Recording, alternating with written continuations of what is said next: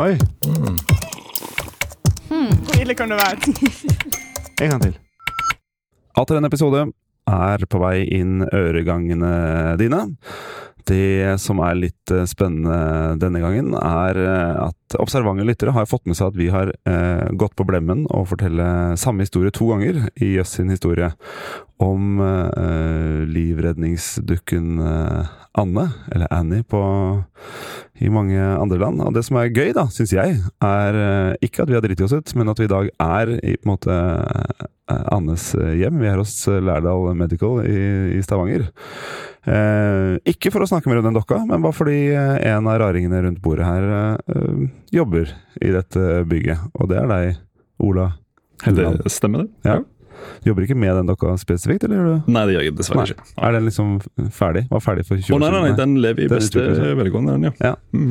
Men du jobber med design her på huset? Det gjør jeg. Ja. Jeg driver en liten designavdeling her. Ja. Prøver å hjelpe folk å redde liv? Ja.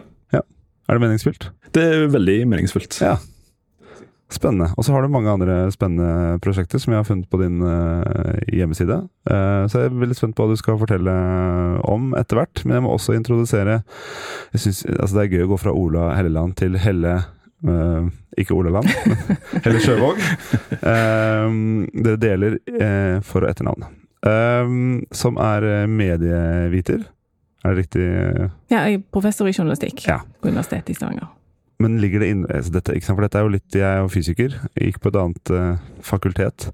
Uh, uh, hva heter Heter fag, fagfeltet medievitenskap? Medievitenskap, mediekommunikasjonsvitenskap, kanskje? Ja. Mm. Ja. Inkludert journalistikkforskning.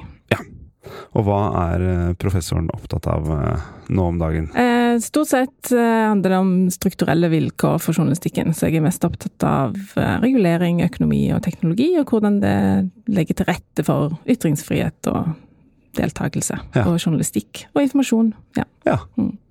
Ha. Jeg redder ikke liv, men uh, sånn som Ole holder på med. men altså, jeg, jeg er jo den meninga at, at journalistikk også kan være med på å redde liv. Og endre folks liv.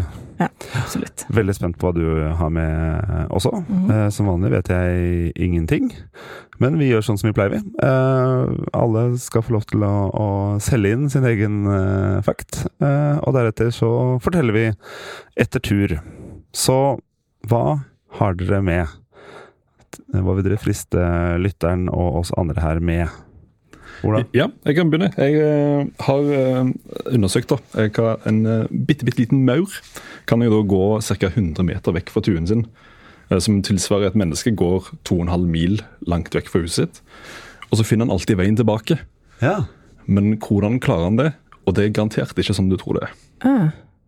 Ha. Spennende. Jeg, umiddelbare hypoteser er at det er litt sånn som eh, Hvilken eventyrfigur er det som legger ut smuler? Er det Hans og Grete eller et eller annet sånt? Ja, ja. Og noe spor? Ja. Finn tilbake. Eller noe sånn måne-stjerne-greier. Det er mine to hypoteser. Ja, Begge disse her eh, er feil. Jeg tenker sånn antenner og sånn, siden de har, så kanskje det er sånn signal at de peiler, eller noe Ja. sånt. Nei. Nei, det var, nei. Okay. Ja, andre er så nærmere, men eh, det, det er fortsatt ikke helt Spennende. eh, Ok, Ja. vi får vente og se. Hva Ja. har du med, Helle? Ja, altså min clickbait-pitch blir da uh, Her er du tryggere enn i sofakroken. Oi. Oi. Ja, den klikker jeg på. Du klikker på det, ja? ja. Jeg eh, stiller spørsmålet Kunne folk se fargen blå i gamle dager? Hæ? Mm. Oi. Wow. Hvorfor ikke? I tilfelle. Hmm. Ja, dette, det, dette, dette vil jeg høre mer om. Ja, absolutt. I like måte på deres, men vi må begynne et sted. Hvor skal vi begynne? Ja, umiddelbart var denne blåfargen Blå. var, igjen. det skilte seg veldig ut. Greit. Uh, svaret er Selvfølgelig kunne det. det er Ok, Litt skuffende.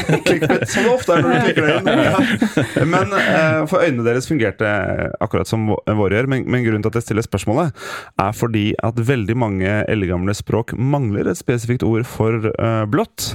Uh, de fleste hadde færre uh, fargetermer eller fargeord enn vi har i dagens uh, språk. Um, og Men hva mener du? Hva, hva er gamle dager?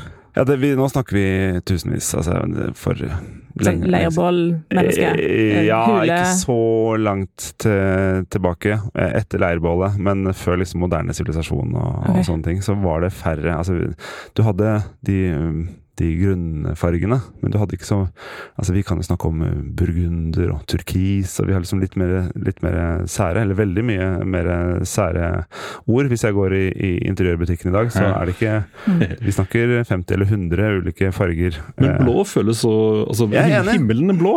Havet. Altså, det, det så Men det er et, et, et språklig fenomen, da, at varmere farger på, på spekteret, som rød og gul og sånn, de fikk distinkte navn først i den språklige utviklingen. Mens mørkere farger de blir gjerne klumpa sammen i ord som, som vi i dag da, mener, vil si dekker flere eh, Eller det vi i dag ville skille ut som flere farger. da. Eh, for eksempel så er det mange eh, språk, eh, tidligere språk, som da hadde ett enkelt ord for sånn grønn, blå, lilla, svart. Alt det var liksom mørkt. til og med svart, da. Ja. At alle det var, det var i samme eh, sekk. Ehm, og um, det er en, eh, en hypotese, en idé innen lingvistikk som heter Safir-Worf-hypotesen, som sier at måten folk tenker på, struktureres av språket deres. Så da, da dukker spørsmålet hvis du ikke har et ord for blå, finnes da blå? Fordi det de, de samme bølgelengdene treffer jo øynene våre, sant? Ja, ja. Eh, Så de har jo sett den samme fargen som vi har sett. Eh, Men, men er det da blå? Ja, men det må, jo, det må jo ha noe med nytte å gjøre. for det at alle, Hvis det er nyttig å få i seg næring og sånn, og frukt har varme farger, så kan det være nyttig å ha ord for det. Ja. Kanskje særlig for de som er giftige. Eh, mens kanskje det ikke er så mye mat som er grønt og blått. Det er jo grønt for all del, men gjerne ikke så Ja. mye blått, da. Nei. Eller brunt eller svart. At det er litt mindre nyttig. For de ordene vi bruker mest som er nyttigst for oss, er jo de aller korteste ordene. Far og mor, Ja. hjem.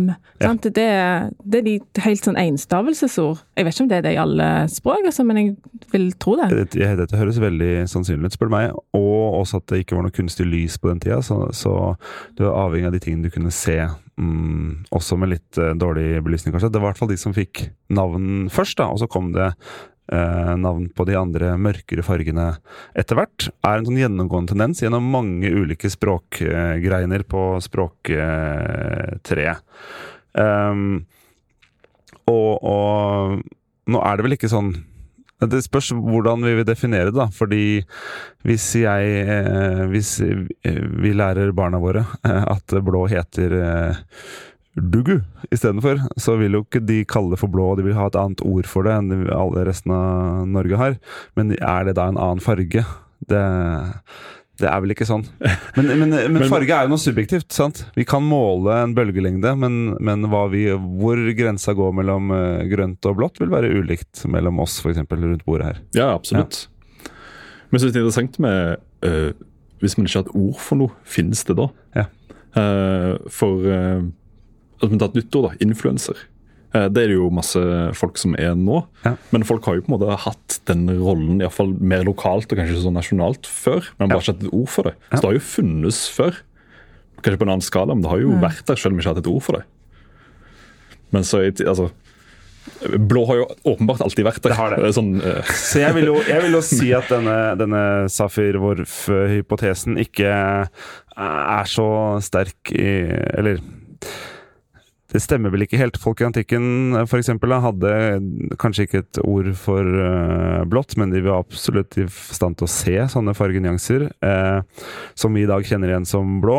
Eh, og vi vet at det er eldgamle malerier som konsekvent bruker nyanser av blått. Mm.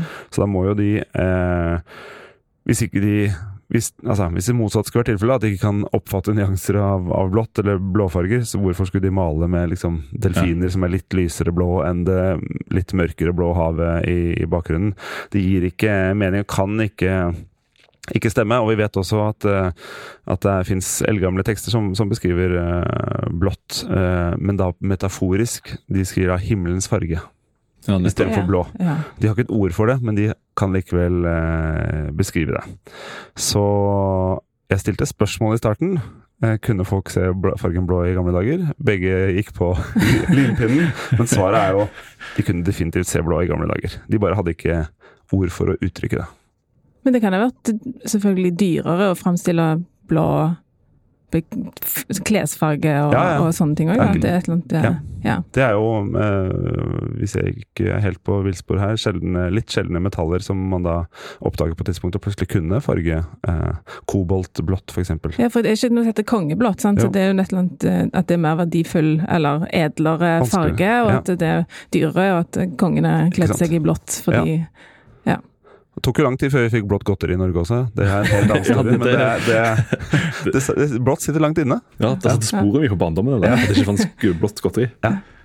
Men eh, du sier at de, de hadde ikke ord for det. De hadde jo de hadde bare flere ord for det. Altså Himmelens farge Ja. er jo på en måte å si blått. Det er bare en mer komplisert måte. Det er ikke et egennavn, da. Nei, det, Nei. det er det ikke. Det er som at du ikke har et navn, men du heter f.eks. sønn av Ja. sånn og sånn. Ja. Men du har ikke noe egennavn. Fortsatt spesifikt at vi vet hvem vi snakker om, men du har ikke noe Ja.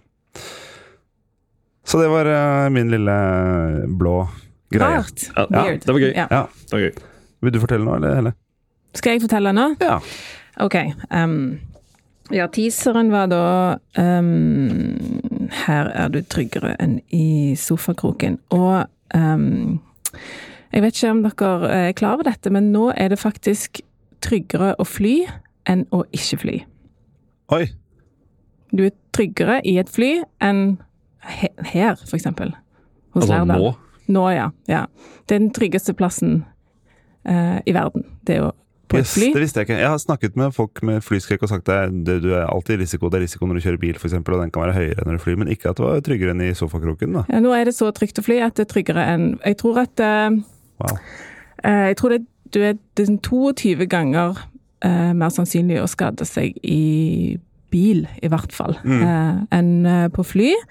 Det er mer sannsynlig at du drukner i badekaret hjemme hos deg sjøl, enn eh, å bli skada i fly. Det er Ja. mer sannsynlig å bli truffet av en meteoritt. Um, nå jeg har jeg, jeg eh, søkt litt på dette her, da, og um, det er over 100 000 flygninger daglig. Um, så det vil si at du, du må fly døgnet rundt i 86 år før det skjer noe farlig med Ja. deg på, på fly. Jeg òg har da på en måte folk med flyskrekk i min familie, så på en måte der jeg har denne her uh, uh, Ja. fun facten uh, fra, da. Um, men det, har jo, det er jo litt på grunn av ehm, utvikling i teknologi. Uh, det er bedre sånn tilsyn og det er mer regulering eh, av fly de siste 20-30 årene. Det er bedre opplæring av eh, piloter og personell. Og det er liksom, liksom flere kontrollpunkter, da. Malcolm Gladwell i denne boka 'Outliers' han har jo et helt kapittel om, eh, om flystyrter og hva som er måte, hovedfaktorene i, eh, som fører til fatale flyulykker. Og da bruker jeg noen eh, case fra 90-tallet, eh, der det er et par sånne hovedfaktorer som, som skiller seg ut. og Det ene er at de gamle 747-maskinene de var ganske sånn manuelle. At du måtte på en måte styre dem sjøl, og pilotene ble trøtte. Eh, og det førte til svekka dømmekraft, da. eh, ikke sant? Veldig kritiske situasjoner. Og så fant han, de fant de også ut at det, det er sånn forskjell på kulturer med høy maktdifferanse. Sånn, Så hvis kapteinen er eneveldig i cockpiten, og co-kapteinen må de ikke ha lov å si fra om at hei, det er is på vingene, eller jeg tror ikke vi har mer drivstoff igjen, så er det større fare for eh, Hierarkisk eh, ja, hvis du har en høy hierarkisk kultur, sant? for der brukes to eksempler fra eh, Sør-Korea, f.eks. to sørkoreanske fly, flystyrter, og, og, eh, og det er liksom forskjell på, på kultur, den amerikanske kulturen og den sørkoreanske kulturen, f.eks. Ja, ja. Og kommunikasjon mellom cockpiten og tårnet var også veldig viktig da, i, i forhold til det å, å forhindre eh, flykrasj. Så alt dette her har de på en måte blitt bedre på. Så nå er det så trygt å fly at det er tryggere å fly enn å ikke fly. Fantastisk. Ja, det, ja, det var jøss. Ja, yes. og, og det betyr jo egentlig Nå er jo ikke det så Det er jo ikke rasjonelt oppbygd eh, å ha flyskrekk nødvendigvis, Men argumentet imot nå for, Før kunne jeg si sånn Ja, det, det er mer risikofylt å kjøre bil, det gjør du hver dag. Nå kan jeg egentlig si eh, du er tryggere der oppe enn du er, enn du er ellers. Er. Hvis du virkelig er opptatt av, av livet ditt og, og risikoen for å dø, så bør du egentlig fly mye. Hele tiden. Men vet dere hvor på flyet det er tryggest å sitte da, hvis det skulle skje noe? Hvis det skulle styrte? Jeg ville tippet bakerst. Ja, det stemmer. Bakerst er bak vingen. Eh, Men ikke helt bakerst, for de lander vel av og til med halen Ja, halen kan jo treffe. Ja. Sant? Så Ja. bak Så litt bak vingen. 69% eh, Var det ikke det? 69 Bakover. overlevelsesrate hvis ja. du satt bak vingen. Ja. Ja. Men det er én ting til. Uh, Sitte i nærheten av nødutgangen. Nei. Nei. Sitte i gangen, da. Venstre side. Hæ? Ja, hvorfor det? Oi. Kapteinen sitter på venstre side? Ja. Ah. Så han svinger selvfølgelig vekk fra seg sjøl Ja. skal ja. Nettopp. Mm. Ja, ja. Så da er liksom hvis du tar uh, vet ikke jeg, 16C er sikkert den beste, eller 16A, eller hva det blir, er sikkert det tryggeste settet, vil jeg tippe, da. Ja. Ja. Men denne utredningen av hvor trygt det er, det må vel ha noe å si av at vi flyr mer nå enn før? Ja. Altså at vi da har flere flytimer per menneske på jorden, og dermed blir det på en måte tryggere? ja, det blir mer flights, og det er færre ulykker. Ja, for med mindre ulykkene også går opp, da ville det vært lik Ja. risiko, men Ja. ulykkene går heller nedover. Ja. Så vi leser jo om dem, da. Det er det som gjør at vi tenker på det av og til. For vi har lest om skumle ulykker, og det virker helt uh, jævlig, noen av de eh, skremsels... Uh, de verste historiene. Ja, Eh, det, det er jo helt men- megakrise hvis, Ja. det, hvis et fly styrter, altså. Men det viser jo hvor utrolig dårlig vi mennesker er på å vurdere risiko. Ja, virkelig. Fordi, ja, det er når man ser tallene, Ja, så sier men det de noe jo, annet. det er jo veldig skrekkscenario, da. Du har jo null kontroll i en sånn situasjon. Ja. Så jeg, jeg skjønner jo at det er avskrekkende, og du kan jo lure på noen ganger hvordan det For bare det, bare det å fly er jo en sånn Ja. hæ? ting. Jeg kunne tatt med det, men Takk! Gøy. Ja, det var bra. Veldig gøy. Da er det deg, da. Ola. Ja. Eh, denne mauren da, som eh, går eh, i menneskeskala 2,5 mil vekk fra hjemmet sitt, eh, og navigerer da i et ukjent landskap og finner veien hjem igjen. For jeg har gått 2,5 mil snikskryt. Jeg har gått 2,5 mil Wow. en gang. Men da klarte jeg å finne tilbake ved hjelp av noe som heter Google Maps. ja, nettopp. Ja. Ja. Men det har ikke Mauren. Det har faktisk ikke mauren ennå. Få høre- høre da, hva de ja. gjør. Ja, du, de, Vi har lenge tenkt, som du gjorde, Andreas, da, at de legger igjen noe lukt. da, En slags smule eller noe sånt på stien sin. Og det stemmer nok for noen maurarter. Men for andre, f.eks. Maur, uh, ørkenmauren, som bor i Sahara, eh, som bor i et veldig sånt fiendtlig miljø, der det er mye sand og veldig mye vind, så kan ikke det stemme. Hva enn man legger igjen bak seg, vil da blåse vekk. Ja. Eh, de har ikke muligheten for det. Likevel så går disse maurene her seg tilsynelatende aldri vill. Um, så det kan ikke være lukt, men vi vet at de navigerer etter landemerker. Uh, de har blant annet tatt noen um, eksperimenter der de har satt uh, på en dung beetle, riktignok, satt de på en caps.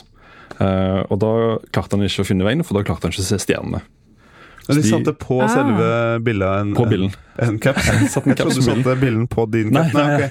Så de får en, de får en slags uh, De får en skyggelue. skylapp, ja, liksom. Skylapper nesten, som ikke, de får ikke fullt ut. De får ikke sett oppover, og da Ja. ser de ikke stjernene, og da aner de ikke hvor de er. Ha. Eh, Så Det er sånn de navigerer, da, men de vet fortsatt ikke hvordan vet de hvor langt de skal gå. Så man vet hvordan de vet hvilken retning, men hvor lengden er man fortsatt usikker på. Og Da fant en biolog som heter Mathias Wittlinger, som på universitetet i Ulm i Tyskland. Han satte opp et eksperiment for å finne ut dette. her. Uh, og det gjorde han da, at han fikk seg en maurtue på laben sin, og så lot Som han han som han gjør. ja, det, det, ja, det har vi vel alle. Ja, han har det. Ja, det. Uh, Så lot han mauren gå ti meter uh, bort fra tuen sin, og så plukket han opp. Og Da lagde han tre grupper. En kontrollgruppe fikk da mat og ble satt ned igjen. Og så andre gruppe fikk eh, limt på seg noen stulter på beina, som er et sånt litt pussig bilde. Fiklete ut. eh, Ja, veldig hyggelig. Ja. Ja, litt sånn- lengre bein. De hadde sånn eh, litt tannpirkere, så de fikk litt lengre beina, eh, og fikk mat og ble satt ned igjen. Og den tredje gruppen eh, fikk litt det som han kalte for kosmetisk kirurgi. Eh, der han rett og slett eh, tok og klippte av bunnen av beina på de, så de fikk Au. kortere beina, og fikk gitt de mat og sluppet de ned igjen. Eh, og det som skjedde da, var at kontrollgruppen den gikk bare rett hjem til tua. Ingen problemer. Eh, det gikk sånn som det skulle gå. Mens eh, stultegruppen eh, de hadde fått økt skrittlengden sin, og de gikk for langt før de stoppet opp og begynte å lete etter turen sin. Og de som fikk sånne stubbete bein, eh, de gikk for kort. For de har fått forminska skrittlengden sin. Og dermed har vi da en ganske sånn tydelig indikasjon på at mauren teller skritt. De har et slags indre Wow. pedometer uh, som gjør at de vet at nå skal jeg gå 100 steg imot uh, Ja. Karlsvogna. Ja. Og så Derfor kan jeg lukte meg fram til maurtun. Ja, fordi en, en sånn avstand vil jo gi en slags uh, halvsirkel med avstand Det sier jo ikke helt hvilken retning du skal gå i, men sånn, hvis du går i røftlig rett- riktig retning og vet hvor langt, så vet du når du skal begynne å se deg om eller Ja, lukte deg. når du er nære nok, så kan Ja. mauren lukte seg eh, den siste biten. da. Men Ja. han trenger liksom å komme seg til rett område. Og det gjør han med å telle skritt. Og så, og så har han peiling eh, på retning fra Ja, en- omgivelsene. ja. ja. Enten på natten fra stjerne eller på dagen fra landemerket, da, så han kjenner igjen. Ja, og, og skritten, skrittlengden er konstant da på maur. Ja. Ja. Ja. Så de går ikke fortere eller saktere, de går i samme tempo hele tida. Eh, de går fortere og saktere, men de har uh, De bein de vet sånn cirka hvor mange Ja. skritt de har gått. Det er uh, fascinerende. Man ser på dem som litt dumme dyr, men Ja. Men man ser, jeg har ofte tenkt, man ser ofte liksom én maur som bare går og surrer litt rundt helt alene. Og han går jo da egentlig helt tilfeldig rundt og leter etter mat, men han vet da hvor langt han har gått. Og så kan han da kjenne seg igjen hvilken retning han skal gå for å komme tilbake. Og selv når de går rundt og rundt, for maurene som kommer inn på badet ditt og sånn, de går jo rundt, liksom, de surrer jo rundt og rundt og rundt. Kan, hvordan vet de da? De må liksom backtrace alle sirklene de har tatt og sånn da, for å komme hjem igjen. Eller da er det bare, hvis du landemerker inn et bad, inne på et, bad, på et bad, så kan du sikkert kjenne igjen liksom hvor du skal. For de har syn, sant? Ja, de har syn, ja. Ja. Ja. Hmm. veldig snart. Og det, er det samme for alle maurarter? Uh, ja, det, altså han der, eh, eh, Mathias har jo da bare testa på disse ørkenmaurene da, fra Mm. Sahara. Uh, men man tror jo at de maurene her i Norge legger nok mest sannsynlig igjen noen spor da, som de følger. Det vil jo være enklere. Mm. Men det er ikke alle som har den muligheten. Ja, ok, Så kanskje ørkenmaurene har utvikla en sånn særegen evne til skrittelling fordi de ikke har så veldig mye annet å De har en Fitbit på, Ja. på ermen eh, og vet at nå har jeg gått uh, langt. Stylter. Halvparten av dem har stylter. Og så bare eh, Det er veldig fascinerende, men det er også gøy å, eh, å se for seg Mathias, da, som har bygd opp en slags uh, På laben. En sand Uh, Altså, det er, det er um, to Firmaene som leverer sand til innendørsbruk, er, liksom, det er Beach Party, eller så er det forskningslaben til Mathias som de kan levere sand til for å bygge tue og, og kanskje landemerker òg. Jeg vet ikke, De må jo ha noe å navigere etter inne på Ja, laben. ja. Ja. ja, men det trenger de jo ikke lage. Det vil jo bare finnes Ja, det, i. I form av eh, Sånn tak og Ja. vinduer og ja. Ja, men det er veldig imponerende forskningsdesign. Det må Ja, jeg si. Altså bare veldig. komme på det å bruke Og så synes jeg det er veldig gøy å tenke på at Mathias sitter der og, og, og spikker noen stylter Ja. til, til mauren og limer de på. Ja. Og litt grotesk at han sitter og kniper av litt grann med føttene. Det, det, det, Men litt- jeg ser for deg sånne sånn negleklipper. At det sitter og bare Jeg tar to millimeter her. Nik, nik. Ja. Og at de klarer seg. Nei, dette var eh, gøy. Ja, Takk. imponerende. Vi har kommet til uh, slutten av denne episoden, og vi er nødt til å bestemme oss for hvilken av disse uh, historiene som var aller mest jøss. Hva synes dere? Og hva kriteriene for jøss er Det er litt dine liksom- egne kriterier. Dette har vi prøvd å diskutere. Det blir vi aldri enige om. Nei. Så du må legge det i jøss-ordet som du eh, Da tenker jeg eh, det som jeg kommer til å um, fortelle igjen uh, i lunsjen og etterpå, kommer til å være flyhistorien. altså. Ja, Ja. ja. Jeg er veldig fascinert av den der eh, beineksperimentet uh, sjøl, altså. Maur, maurbein. Mhm. Jeg tror også at jeg kommer til å tenke på dette med fly eh, og hvilket sete, og at jeg blir tryggere. Selv om jeg aldri har vært redd for å fly, så nå prøver jeg jo veldig hardt å fly så lite jeg kan, men neste gang jeg skal fly, skal jeg prøve å sette meg på 16C. Det angår jo alle, da. Alle er jo innom et fly av og til. Mm. Da får du den. Seieren med det. Gratulerer. Takk Takk for at dere kom, begge to. Skal vi snakkes igjen om noen uker? Det kan vi gjøre. Bra plan. Samme til deg som lytter. Høres igjen om en ukes eh, tid, og så får du helle Ola gjennom eh, ja, tre-fire uker. Ha det!